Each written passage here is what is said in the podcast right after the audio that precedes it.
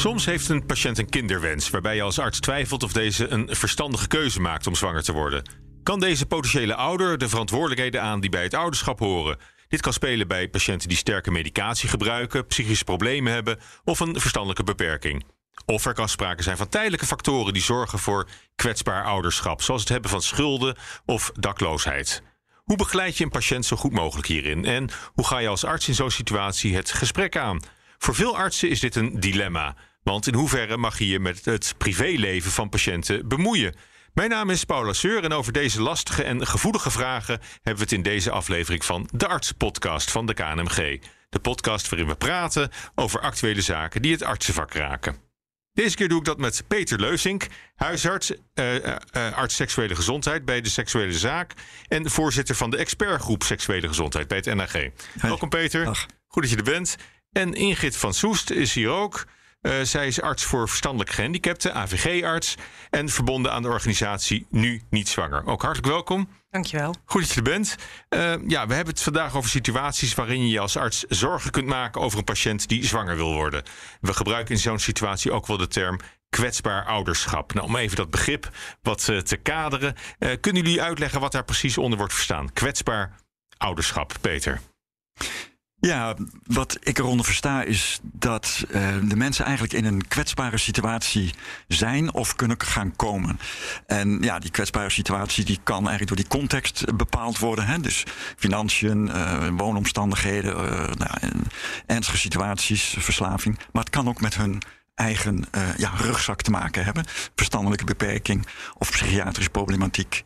Uh, dus kunnen externe, interne factoren zijn die bepalen dat eigenlijk ja, je extra hulp nodig hebt en daarin kwetsbaar bent. Dat iets niet vanzelfsprekend gaat.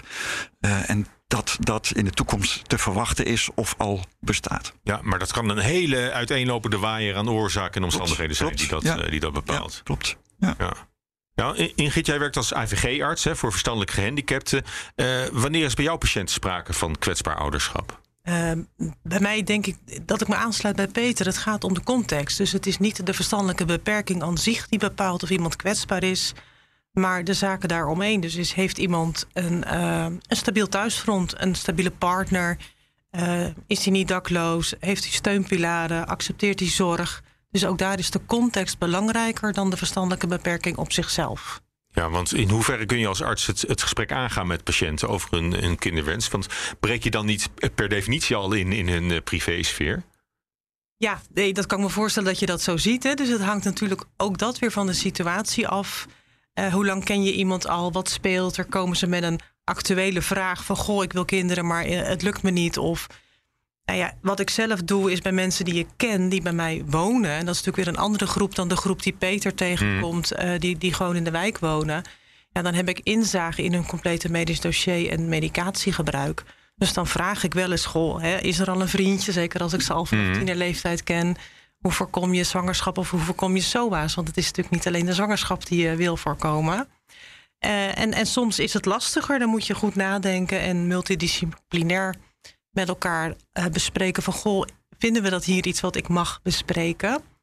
Daarnaast heb ik een speciale uh, spreekuur voor nu niet zwanger. Dus dan is de vraag al door een ander gesproken met de cliënt of patiënt. En dan komen ze echt bij mij met de vraag. Nou, denk maar dat zijn, dat zijn verwezen cliënten? Dat zijn verwezen cliënten, ja. Ja, ja, ja. Dus dan is het al door een ander te sprake gebracht. Ja, dat is lastig. En, uh, lijkt mij voor jou ook. Uh, ja, ik zit net te denken. Ja, want in de huisartspraktijk komen de mensen bij ons. En die vragen bijvoorbeeld, mag ik, uh, dokter, mag de spiraal eruit? Of ik wil stoppen met, met de pil. Of je ziet in je scherm van, hé, hey, tijd de pil al niet meer opgehaald, het recept. ik ben me dan ook heel bewust van dat ik in die privé-situatie uh, treedt. En ik vraag dan ook meestal toestemming. Gewoon mag ik je een aantal vragen stellen? Heb je kinderwens? Eh, vind je het goed dat we daarover doorpraten? He, want het is natuurlijk heel persoonlijk. Uh, dus je moet dan wel uh, samen met die patiënt ehm, de afspraak hebben van... vind je het goed dat we nu dat onderwerp... Mm -hmm. dus, want ik, inderdaad, wat je zegt, je, ja. heb je daar niet bij voorbaat al mee te bemoeien. Ja, goed. En, en, nogmaals, dan gaat het niet alleen over een verstandelijke beperking, maar dat kan, kan dus een van die factoren zijn waar, waar je het eerder over, ja. over had, ja. van die omstandigheden. Dus dat is. Uh, maar maar dan, moet, dan moet je ze ook goed, goed volgen, natuurlijk. Ook hoe, hoe, Ja, eh, dat hoe, het, ze, hoe het ze vergaat in het, in, het, eh, in het dagelijks leven. Klopt. Dus als je besluit daar vragen over te stellen, moet je ook de consequentie aanvaarden. Van, dus je moet eerst bij jezelf nagaan waarom stel ik die vraag. Hè? Want je vermoedt, je vermoedt op basis van een voorgeschiedenis of de context, vermoed je al dat daar mogelijk kwetsbare factoren een rol spelen. Ja, dan moet je ook all the way gaan. Dan moet je daar ook de gevolgen eh, van op je nemen. Dat klinkt allemaal zwaar, maar wat ik ermee wil zeggen is dat het soms een ingewikkeld, eh, lastig traject is. Dat kan invloed hebben op de relatie met de patiënt. Maar het kan ook betekenen dat je eh, veel werk op je hals haalt. Omdat je in overleg moet treden met andere collega's. Het duurt lang. Ja. Soms maanden, een half jaar of drie kwart jaar. Mij speelt op dit moment een casus eh, in mijn hoofd. Eh, dat heeft ongeveer drie kwart jaar geduurd. Eh, dat was een mevrouw met, met ernstige psychiatrische problematiek. Mhm. Haar kind, dat, was, dat kind was toen al een jaar of 10, 11. Zat al in een pleeggezin en zij wou een tweede kind. Ja, nou, op grond van de medicatie alleen al was het niet verstandig om zwanger te, te zijn. Want dat Mhm. zou schade kunnen voor het vruchtje. Ehm, dat sowieso al. Maar het was ook al eigenlijk al bekend dat zodra die zwangerschap eh, zou eindigen, hè, dus in, in, in de bevalling, dus dat, ze hem uit zou dragen, Mhm. dat het kind eh, naar een pleeggezin moest gaan. Eh, ja, dus dan ga je eigenlijk iemand aan de realiteitstoetsen. Dan ga je, in mijn geval heb ik dan de gynaecoloog en de psychiater en de case manager van het, van het wijkteam ingeschakeld. En dan ga je dus dat pad op. Het is een enorm traject van, van samenwerking en communicatie Juist, en weer, juist. weer terugkoppelen. Ja, En- klopt. Ja. ja. Dus- hoe, is, dat afgelopen in dit eh, geval? Zij heeft uiteindelijk afgezien van eh, de zwangerschap. Ja, Ja. ja. Maar dat en, was en, en dan ben jij tevreden over die uitkomst, eh, ne- neem ik aan. Want wat, in, in zo'n gesprek ja. ga, ga je zover dat je echt zegt van ik raad je af om zwanger te worden? Nou, heel leuk dat je dat zegt. Nee, zo zeg ik het net, net niet. Dat heb ik vroeger wel gedaan. En ik heb met name van die casus die ik nu, nu naar voren breng, heb ik enorm veel geleerd. Heb ik het een keer niet gedaan. Maar heb ik eigenlijk, ehm, ja, ik noem het eigenlijk al de yo-yo-techniek of de judo-techniek.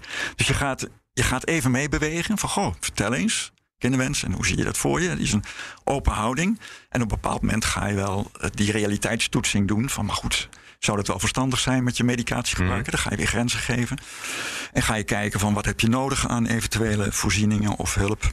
Ja. Ehm, wat ik ermee wil zeggen is, nooit meteen die deur dichtgooien van ik raad het je af. Mhm. Want dan raak je het contact kwijt met die persoon. Eh, en dan gaat het juist niet goed. Is mijn ervaring van, van nog langer geleden. Ja. Ja, bijvoorbeeld naar een andere arts. Of, of iemand krijgt überhaupt geen vertrouwen meer in Ja. de hulpverlening. Dus je moet wel die open houding blijven houden. Maar wel die realiteitstoetsing. Dat hoort erbij. Ja. Maar blij- blijft het geval, Ingrid, eh, dat je misschien wel treedt in het, in het zelfbeschikkingsrecht van een, van een patiënt? Nou, dat treed je. Of- dat, of- moet, dan moet je je niet. aan, ja, je hè? raakt eraan, maar je moet natuurlijk niet over die zelfbeschikking gaan. Ja. Het gaat erom dat je, wat Peter zegt, wel naast de patiënt of cliënt blijft staan. Want zijn er ook situaties eh, waarin je wel twijfels had over, eh, over, over ouderschap, maar dat je, dat je dan toch het gesprek niet bent aangegaan? Nou, niet in dit vak. eh, maar het, is een, het loopt als een rode draad door mijn carrière als dokter. Hè. Dus als basisarts al eh, viel mij op dat veel dokters dat niet wat die wel of niet zwanger worden vragen? Ja, ja, die- nou, of dat je soms kinderen. eh, Ik heb een tijdje als basisarts in de kindergeneeskunde gewerkt. Dat je soms je verwonderde over. Heeft iemand hier niemand nou dat gesprek gevoerd? En voor mij is een hele belangrijke les geweest dat een eh, ervaringsdeskundige, dus een vrouw die een periode in haar leven kwetsbaar is geweest, ehm, die, die heeft mij geleerd: de hoogste drempel is de drempel van de dokter. Als een dokter iets niet durft te bespreken, dan is het kennelijk wel heel erg spannend. Mhm. Dus wat in mijn spreekkamer niet, niet door mij eh, boven tafel wordt gebracht, dat is kennelijk een heel spannend onderwerp. Dus ook voor de ander. En deze vrouw gaf aan, en dat is een vrouw met, eh, met een normale opleiding, normaal begaafd, eh, die ergens in haar leven vielen haar steunpilaren weg en kwam ze in een dak- en thuisloze situatie terecht met ook een verslaving, zowel aan verdovende middelen als aan seks. Nou, dat is natuurlijk een combinatie die erom vraagt om zwanger te worden. En zij zei: Ik heb twee jaar lang in een hulpverleningscircuit gezeten van wel zeven, acht verschillende hulpverleners. En niemand heeft mij ooit de vraag gesteld: Joh, hoe doe je dat nou? Wel elke avond op zoek naar mannen, maar je komt geen receptje vragen voor anticonceptie. En zij zegt heel duidelijk van hulpverleners: stel die vraag. Stel hem niet paternalistisch, maar wees nieuwsgierig. Joh, hoe zit dat nou? Joh, je zegt dat je kinderen wil. Vertel eens. Ja. En dan Maar, maar vat je dat echt op als een, als een verwijt ook achteraf? Nou, als, als ik deze mevrouw hoorde, dan denk ik, ja, dat mogen we hulpverleners ons aantrekken. Hè? Dus niet in die, die, die inner space of in die, in die Mm. persoonlijke sfeer komen, maar wees nieuwsgierig. Want soms kun je in je eigen kwetsbaarheid niet meer zo goed nadenken en niet meer de juiste keus maken. En dan gaat het mij om. Is zwangerschap wat je nu wil? Dus het gaat mij om de bewuste keuze. Niet om goed of fout. Maar is het een bewuste keus? Weet je waarvoor je kiest? Of heb je daar hulp bij Ja. nodig? En heb je de juiste kennis? Ja, maar goed, dat- ook dit is weer een hele specifieke casus. Hè. Er zijn, elk geval is, eh, is, is anders volgens mij. Ja. Als je het zo, eh, zo bedenkt. Want ook, ook bij, bij, bij, eh, bij, bij deze vrouw, dat laatste voorbeeld wat je geeft, Ingrid, kan ik me ook voorstellen dat, ze, dat daar geen kinderwens was per se. Nee, en op het moment dat die vraag gesteld werd, bleek ze zwanger te zijn Ja. met haar harddrugsverslaving. En het is met deze mevrouw haar kindje goed gekomen. Eh, maar die, die komt dus nu op symposia die over dit onderwerp gaan om te vertellen: je had mij eerder die vraag gesteld, want ik zal me de rest van mijn leven schuldig voelen over het feit dat ik mijn, mijn kindje de eerste drie maanden bloot heb gesteld aan harddrugs. En dat, dat kindje doet het goed, Ja.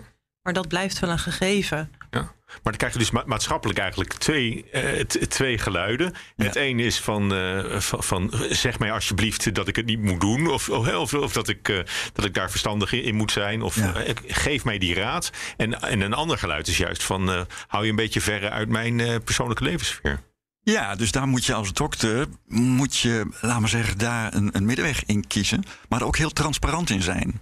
En ehm, iemand ook, ehm, ja, laten we zeggen, eh, duidelijk aangeven van wat is dan de, de moeilijkheden die jij ziet hè, voor, voor, die, voor die vrouw Mhm. of voor die ouders. Hè. Er is ook een man bij betrokken, niet altijd. Maar, Ehm, dus wees daar transparant in, welke, welke beren er op de weg eventueel zijn. En wees, eh, en wees er ook open in van wel- welke hulp heb je nodig. Wat, eh, wat heb jij nodig in jouw situatie om verstandig ouderschap eh, Ja. te kunnen En, en hoe, hoe voer je zo'n gesprek?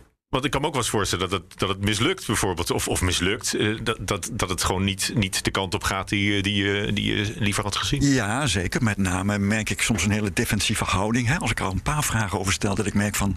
Ik, ik, kom al aan, ik zit aan iemand te trekken, dat ik al merk van. Oeh, nu moet ik oppassen. eh, want dan ben ik iemand kwijt. Dus het zijn hele kleine stapjes.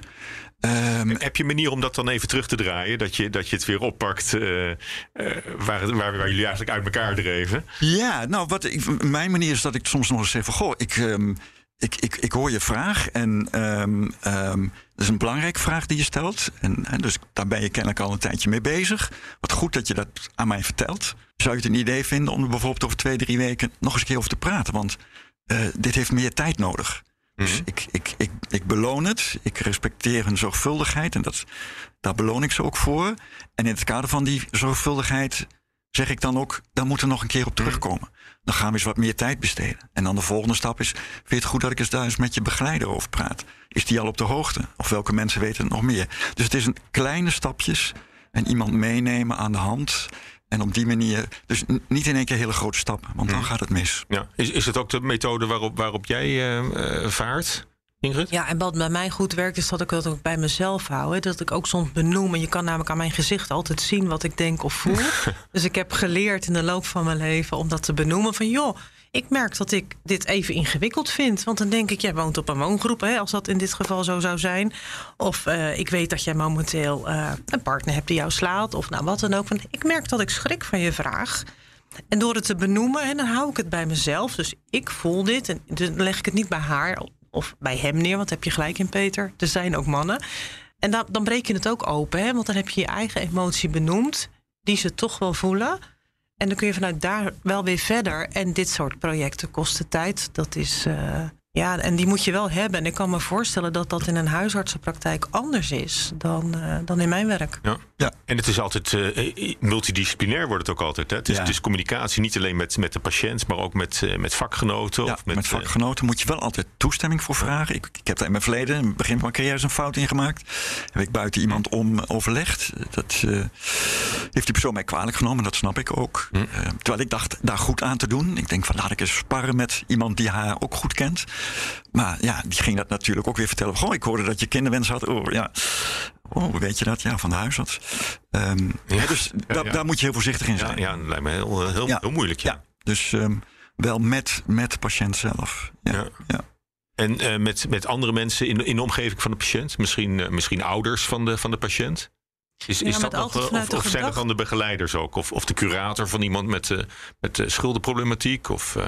Ja, of inderdaad de persoonlijk begeleider. Maar het mhm. kan ook bijvoorbeeld al een, een, een gynaecoloog zijn of een verloskundige... waar ze al ooit um, contact mee hebben gehad. een psychiater, de case manager in, in, in een wijkteam... Ja, het, het, is eigenlijk telkens een apart verhaal. Hè. Ik kwam net ook al even voorbij. Elk verhaal staat op zichzelf. Ja. En uh, dus je moet per keer weer creatief zijn. En ik denk dat de bejegening eigenlijk, dat, dat is de basis.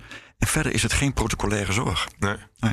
Nee, want uh, wat je zegt, het, het, kan ook heel goed iets van tijdelijke aard zijn, hè? kwetsbaar ouderschap. Eh, als je het hebt over verslaving of psychische problemen of uh, financiële problemen, kan ook, kan ook prima voorbij gaan. Hè? Misschien over, over een paar jaar is het. Uh, als iemand een stabiele partner ontmoet die, ja.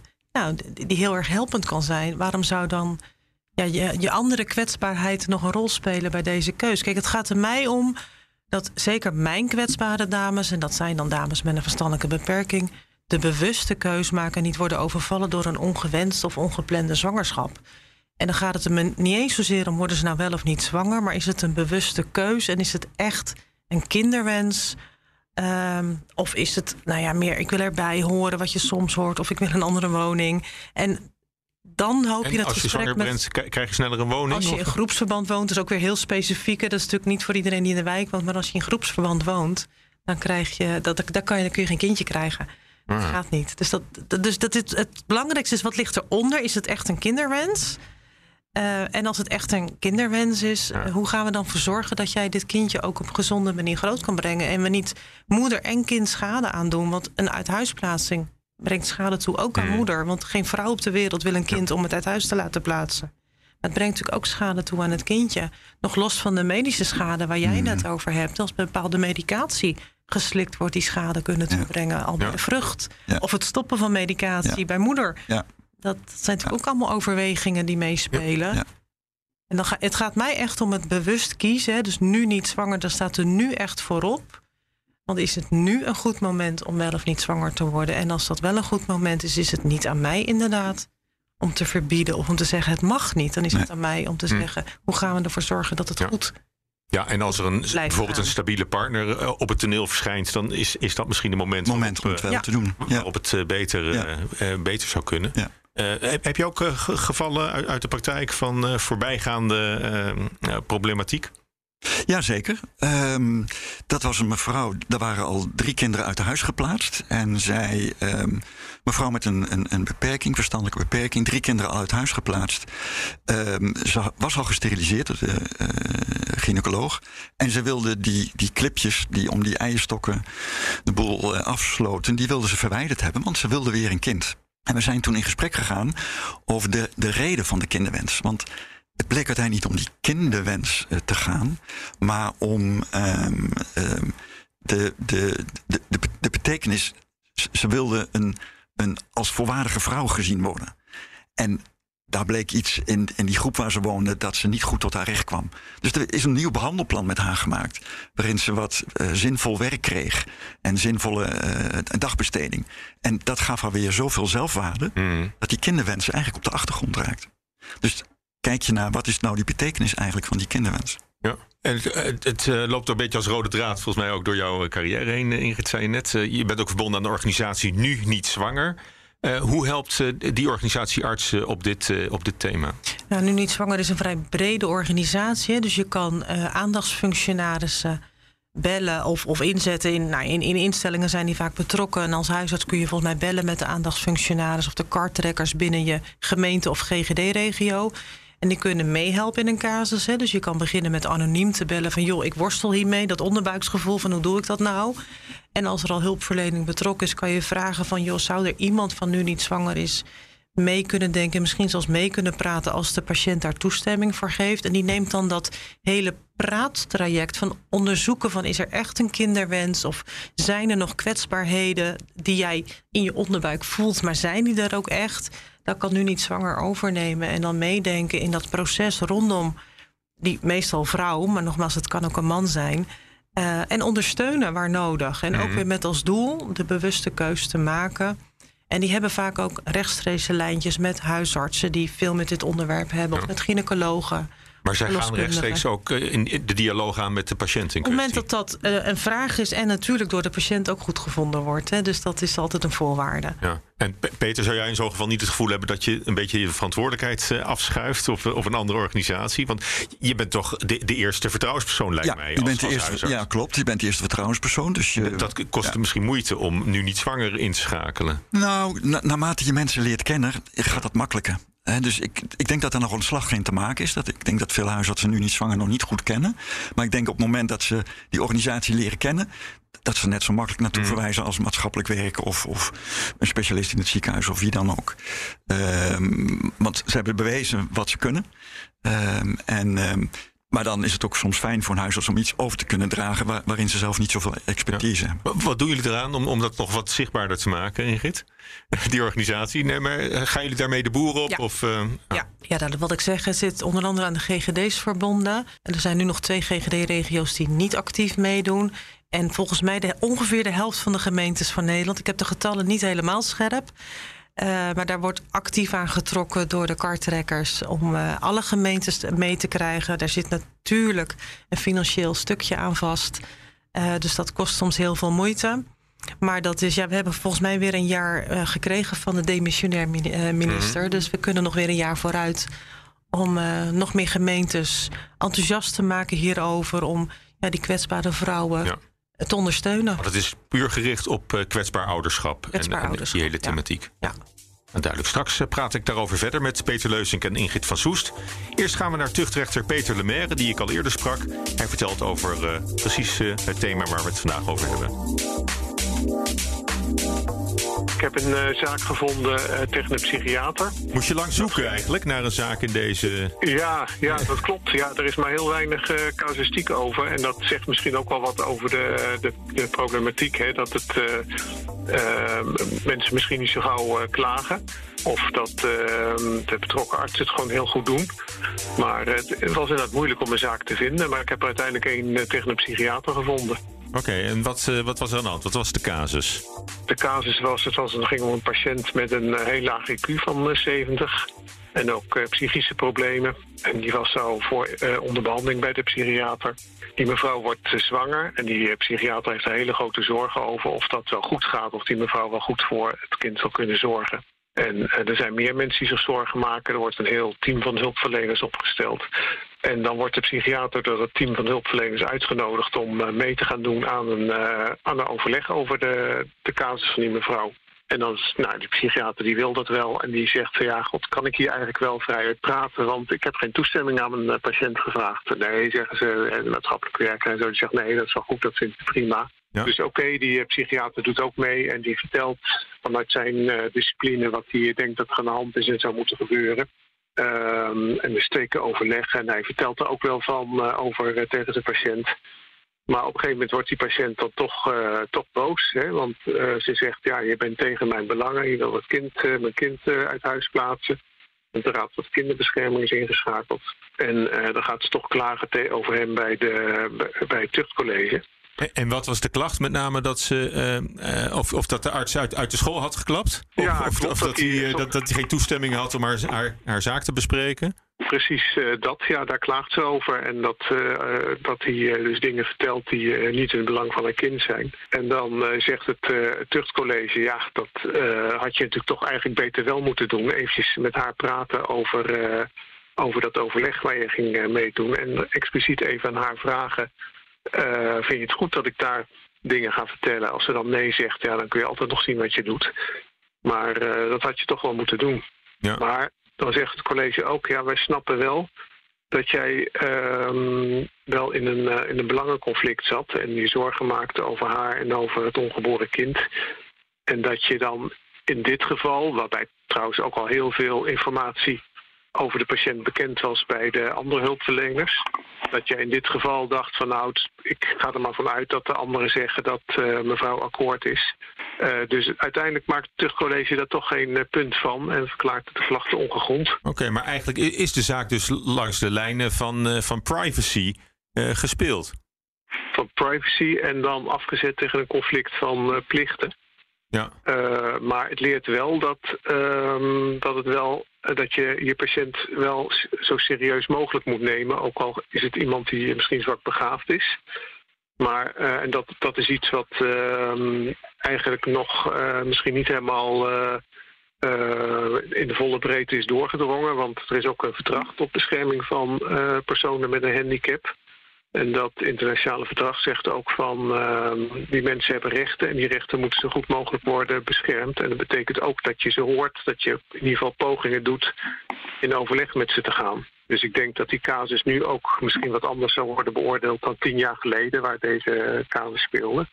Uh, ja. Maar dat is het leereffect. Hè. Neem, je, uh, neem je patiënt serieus en communiceer zo heel, zoveel mogelijk. En uh, ga niet te gauw op, ja, op paternalisme over op, op best veel, maar praat met ze. Ja, en in dit geval is het voor de psychiater goed afgelopen, maar dat was, was tien jaar geleden. Dus het zou nu best dus anders, anders kunnen uitpakken. Uh, het was wel een beetje op het randje, ja, dat denk, dat denk ik ook wel. Uh, maar uh, goed, het college heeft begrip gehad voor de, voor de moeilijke situatie en de goede bedoelingen natuurlijk ook van de, van de psychiater. Ja, dat was tuchtrechter Peter Lemaire. Ik praat verder met Peter Leusink, huisarts, arts seksuele gezondheid bij de Seksuele Zaak en voorzitter van de expertgroep Seksuele Gezondheid bij het NAG. En Ingrid van Soest, arts voor verstandelijk gehandicapten AVG-arts. Ja, um, jullie hebben meegeluisterd met uh, Peter Lemaire. Uh, herkennen jullie de zaak waarin de, deze arts zich bevond? ook wel eens met, dat, met die dilemma's te maken gehad? Vergelijkbare dingen, ja. Ik zag ook wat je, wat je voor, voor die uitspraak Eigenlijk net ook al zeiden, hè, van je, je treedt in overleg... en soms was je vergeten daar toestemming voor te vragen... en je hebt toch wel behoefte aan overleg met collega's... en dan gaat het soms in, de, in het vuur van het spel... dat je, nou ja, dat je een beetje die randen raakt van die privacy. Ik moet zeggen, ik, ik ben daar zorgvuldig in geworden ook. Mm. Uh, sadder and wiser. Mm. Um, ja, dus dit zal me nu niet meer zo heel snel overkomen. Nee. Ja. En Ingrid, voor jou is het voor jou al een tweede natuur om, uh, om, om, om meer met dan over uh, patiënten te praten? Uh, niet altijd. En dat heeft te maken met dat mijn populatie weliswaar bep zich beperkt tot die verstandelijke beperking, maar daarin een grote diversiteit is. Waar mm. mensen met een nog lager niveau natuurlijk een curator hebben. En ik aan de curator of de mentor toestemming moet vragen en de cliënt in kwestie dat niveau niet heeft. Als iemand wil onbekwaam is. Als iemand wil onbekwaam is. En daar gaat het in, in, in het hele, uh, nou, waar we nu over hebben, niet zozeer over deze groep. Maar dat is wel in mijn vak dus uh, voortdurend tussen twee werelden uh, heen en weer schuiven. De wereld waarin de cliënt zelf mee kan denken en de wereld waarin ik met anderen te maken heb. Mm. maar ja, die bewustwording komt met niet alleen zo'n privacywetgeving, maar ook met gewoon de jaren waarin je ervaring opdoet en af en toe je neus stoot. En je denkt, oeh, dat heb ik toch niet zo handig gedaan. Ja. Nou, nou, nou zijn jullie in de praktijk alle twee natuurlijk uh, heel veel uh, begaan met, uh, met seksualiteit, met, met voortplanting. dat is voor, voor andere artsen misschien een, misschien een stuk minder. misschien is het voor hun ook lastiger om dat gesprek aan te gaan. Ja, dat is bekend. En dat is ook een deel waarom onze expertgroep seksuele gezondheid er is. Wat, dus wat, wat, wat, is die drempel die artsen ervaren om dit gesprek gewoon aan te gaan? eigen, eigen schroom toch uiteindelijk. He, want Ingrid noemde het al eerder. Kijk, uiteindelijk zijn al die kwetsbare mensen die dan voorbij komen, zijn uiteindelijk ook gewone seksuele wezens. En uh, dat, dat zit niet altijd in ons, uh, in ons uh, voorhoofd. Dat we die mensen ook eh, als seksuele actieve uh, wezens zien met, met eigen behoeftes. En eigenlijk dat hele idee van ze zouden nog eens zwanger ooit kunnen worden, een beetje verre van ons houden. Mm. Um, wij, ja, we hebben daar zo onze waarden en normen over. We vinden het heel lastig om, om dat dichtbij ons uh, te halen. Toch vanuit schaamte. Dus die schaamte ligt ook bij artsen. Ja. Terwijl het toch eigenlijk... Het is alleen dat, die, die erkenning, dat onderkennen van, van, van, van ja. ja, van het seksuele wezen. Dat, dat is eigenlijk al het begin van dat een... is het begin van een, van een eh, bewustwording ja. van... ja, maar ik, ik, het is toch ook nodig in professionele zin... om daar vragen over te stellen. Ja. Ingrid? Het is nog niet zo heel lang geleden dat in de behandelplannen van mensen met een beperking stond seksualiteit niet van toepassing. En dat is dat, ja, dat, daar lachen we nu om. Maar ja. heel soms lees ik nog oude verslagen van, dan heb ik het over 15, 20 jaar geleden. En met het schaamrood op de kaken. Maar er zit een zekere gêne Uh, als het gaat om die kwetsbare medemensen, dan heb ik het over kwetsbaarheid in de algemene zin Mhm. van het woord. En ik denk dat dat bij verstandelijk beperkten, bij verslaafden, maar ook bij, bij ouderen. Hè. We denken ook allemaal dat onze ouders geen seks meer hebben. Dat is toch iets waar we niet over na willen denken. ja. En dat dokters hebben die drempel ook. En dan kom ik terug bij wat ik net zei. En dat is een soort mantra geworden. Mijn drempel is de hoogste. En als ik mijn drempels weet te, nou ja, te plaveien, zeg maar, Mhm. dan is alles bespreekbaar. Maar als ik er niet over begin, hoe kan ik dan verwachten dat mijn patiënt erover begint? Ja. En, eh, maar wa- wat adviseren jullie vakgenoten? Die, die, die, die niet dagelijks met deze problematiek te maken hebben, om dat gesprek toch aan te gaan? Hoe, wat, wat, is, eh, wat is voor hun de belangrijkste eh, uitgangspunt? Wees nieuwsgierig. Volgens mij kom je dan heel ver met je vragen. Zonder paternalistisch te zijn. toon je betrokkenheid en vertaal dat onderbuiksgevoel, want dat kent iedereen, maar geef dat een soort professionele draai. Neem dat serieus, die onderbuik. Hmm. Misschien eerst in de koffiekamer, maar daarna ook heel professioneel in de spreekkamer. En zonder de deur dicht te gooien, want dat, dat, Ja. dat is waar je eigenlijk mee, mee Nee, begonnen, deze. Ja, deze uitzending. Dat je daar ook heel erg voor moet, Ja, moet waken. precies. En kun je dat, kun je dat leren, eh, zo'n gesprek voeren als arts? Ja, dat kun je zeker leren. En met vallen en opstaan? eh, Ja, met vallen en opstaan. Maar ik bedoel, dat, dat- ik denk ook dat eh, ook jongere artsen dat eh, kunnen leren. Ik denk ook, er zou meer scholing eh, kunnen volgen. Nou ja, deze podcast is natuurlijk een mooi voorbeeld. Wellicht maakt dat eh, opleidingen van huisartsen nieuwsgierig. eh, trainingen, eh, nascholing op dit eh, thema. En er zijn, er zijn meer, laat maar zeggen, lastige thema's. Hè. Euthanasie is een lastig thema. Stervensbegeleiding, seksualiteit, ehm, eh, ongewenste zwangerschap. Er zijn meer zo van die eh, thema's. En dat kun je heel goed bundelen in, in, in, in een scholing. En je hoeft het ook niet allemaal zelf te doen natuurlijk. Je hoeft het absoluut niet in je eentje te doen. Dus als je, als je bij jezelf die, die schroom voelt, zou ook een reden kunnen zijn om bijvoorbeeld met nu niet zwanger eh, contact op te nemen. Zeker. Denk ik. Dus dat, Ja. dat is misschien ook wel, een, eh, wel- wel, goed om te, om te weten. Dat Ik je, denk absoluut. Want dat je wij, het niet alleen hoeft te doen. nee, want wij, wij zijn als artsen opgevoed in de ziekenhuizen. eh, je moet in je eentje moet je dingen oplossen. En het is. eh, en, en, zodra je eigenlijk van die opleiding af bent, moet je weer opnieuw gaan leren. Nee, maar ik moet ook leren samenwerken. En ja, daar, daar zijn er wel slagen in te maken om artsen dat te leren. Ja. Ja.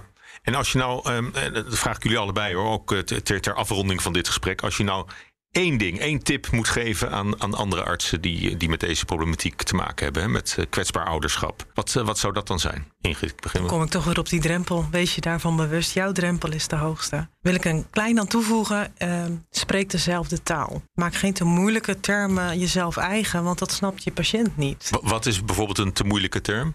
Geslachtsgemeenschap. Ik weet niet wat jij doet in de slaapkamer, maar ik noem het anders. Nee, wees je bewust, maar vraag ook hoe, hoe noem jij het? En dan hoef je niet als dokter dezelfde termen te gebruiken als jouw patiënt. Maar weet dan wel, als jij het over nou ja, je poesje hebt, of hoe je het dan ook noemt, dat de dokter dat anders noemt. Dus als ik dit woord noem, dan bedoel ik hetzelfde als jij. Dus spreek dezelfde taal als het gaat om moeilijke onderwerpen. Eh, Want daar ga je ook nog wel eens de mis mee. Want als iemand vrije noemt als die knuffelen bedoelt, dan, dan kan je zomaar heel bang zijn dat iemand wat anders bedoelt. Ja. En je wil ook niet te ver door de knieën gaan, denk ik. eh, eh, Want je wil het wel serieus eh, bespreken. En Ja. in, in al zijn ja, maar facetten. ik gebruik gewoon de woorden van mijn cliënten. En dat, dat maakt het gesprek hetzelfde. En dat betekent dat ik soms woorden gebruik die ik in mijn privésituatie niet zal gebruiken. Maar dat maakt wel dat we het over hetzelfde hebben. Heb je wel een duidelijk gesprek. Ja, Ja. Ja. En jij, Peter? Een laatste tip? Ja, laatste tip. Nou ja, misschien toch ook wel een beetje weer herhaling. Neem je eigen onderbuiksgevoelens eh, serieus. Maar gebruik dat niet als een soort norm. Maar probeer dat professioneel te vertalen. En, en spreek erover met collega's. Ga samenwerken. En wees transparant naar, naar die cliënt. Ja, het is communicatie en samenwerking. Hè? Klopt, dat is, Dat is denk ik het. eh, uiteindelijk eh, de basis. nou, ik denk dat we daar wel mee kunnen, kunnen afronden. Dank jullie wel voor de komst naar de studio. Peter Leusink, huisarts, arts seksuele gezondheid bij de Seksuele Zaak. En voorzitter van de expertgroep Seksuele Gezondheid bij het NAG. En Ingrid van Soest, zij is arts voor verstandelijk gehandicapten, AVG-arts. En verbonden aan de organisatie Nu Niet Zwanger. Dank jullie wel. Dit was de Artsenpodcast van de KNMG. Mijn naam is Paula Seur. Dank voor het luisteren. Wil je geen aflevering missen? Abonneer je dan op deze podcast. Graag tot de volgende aflevering.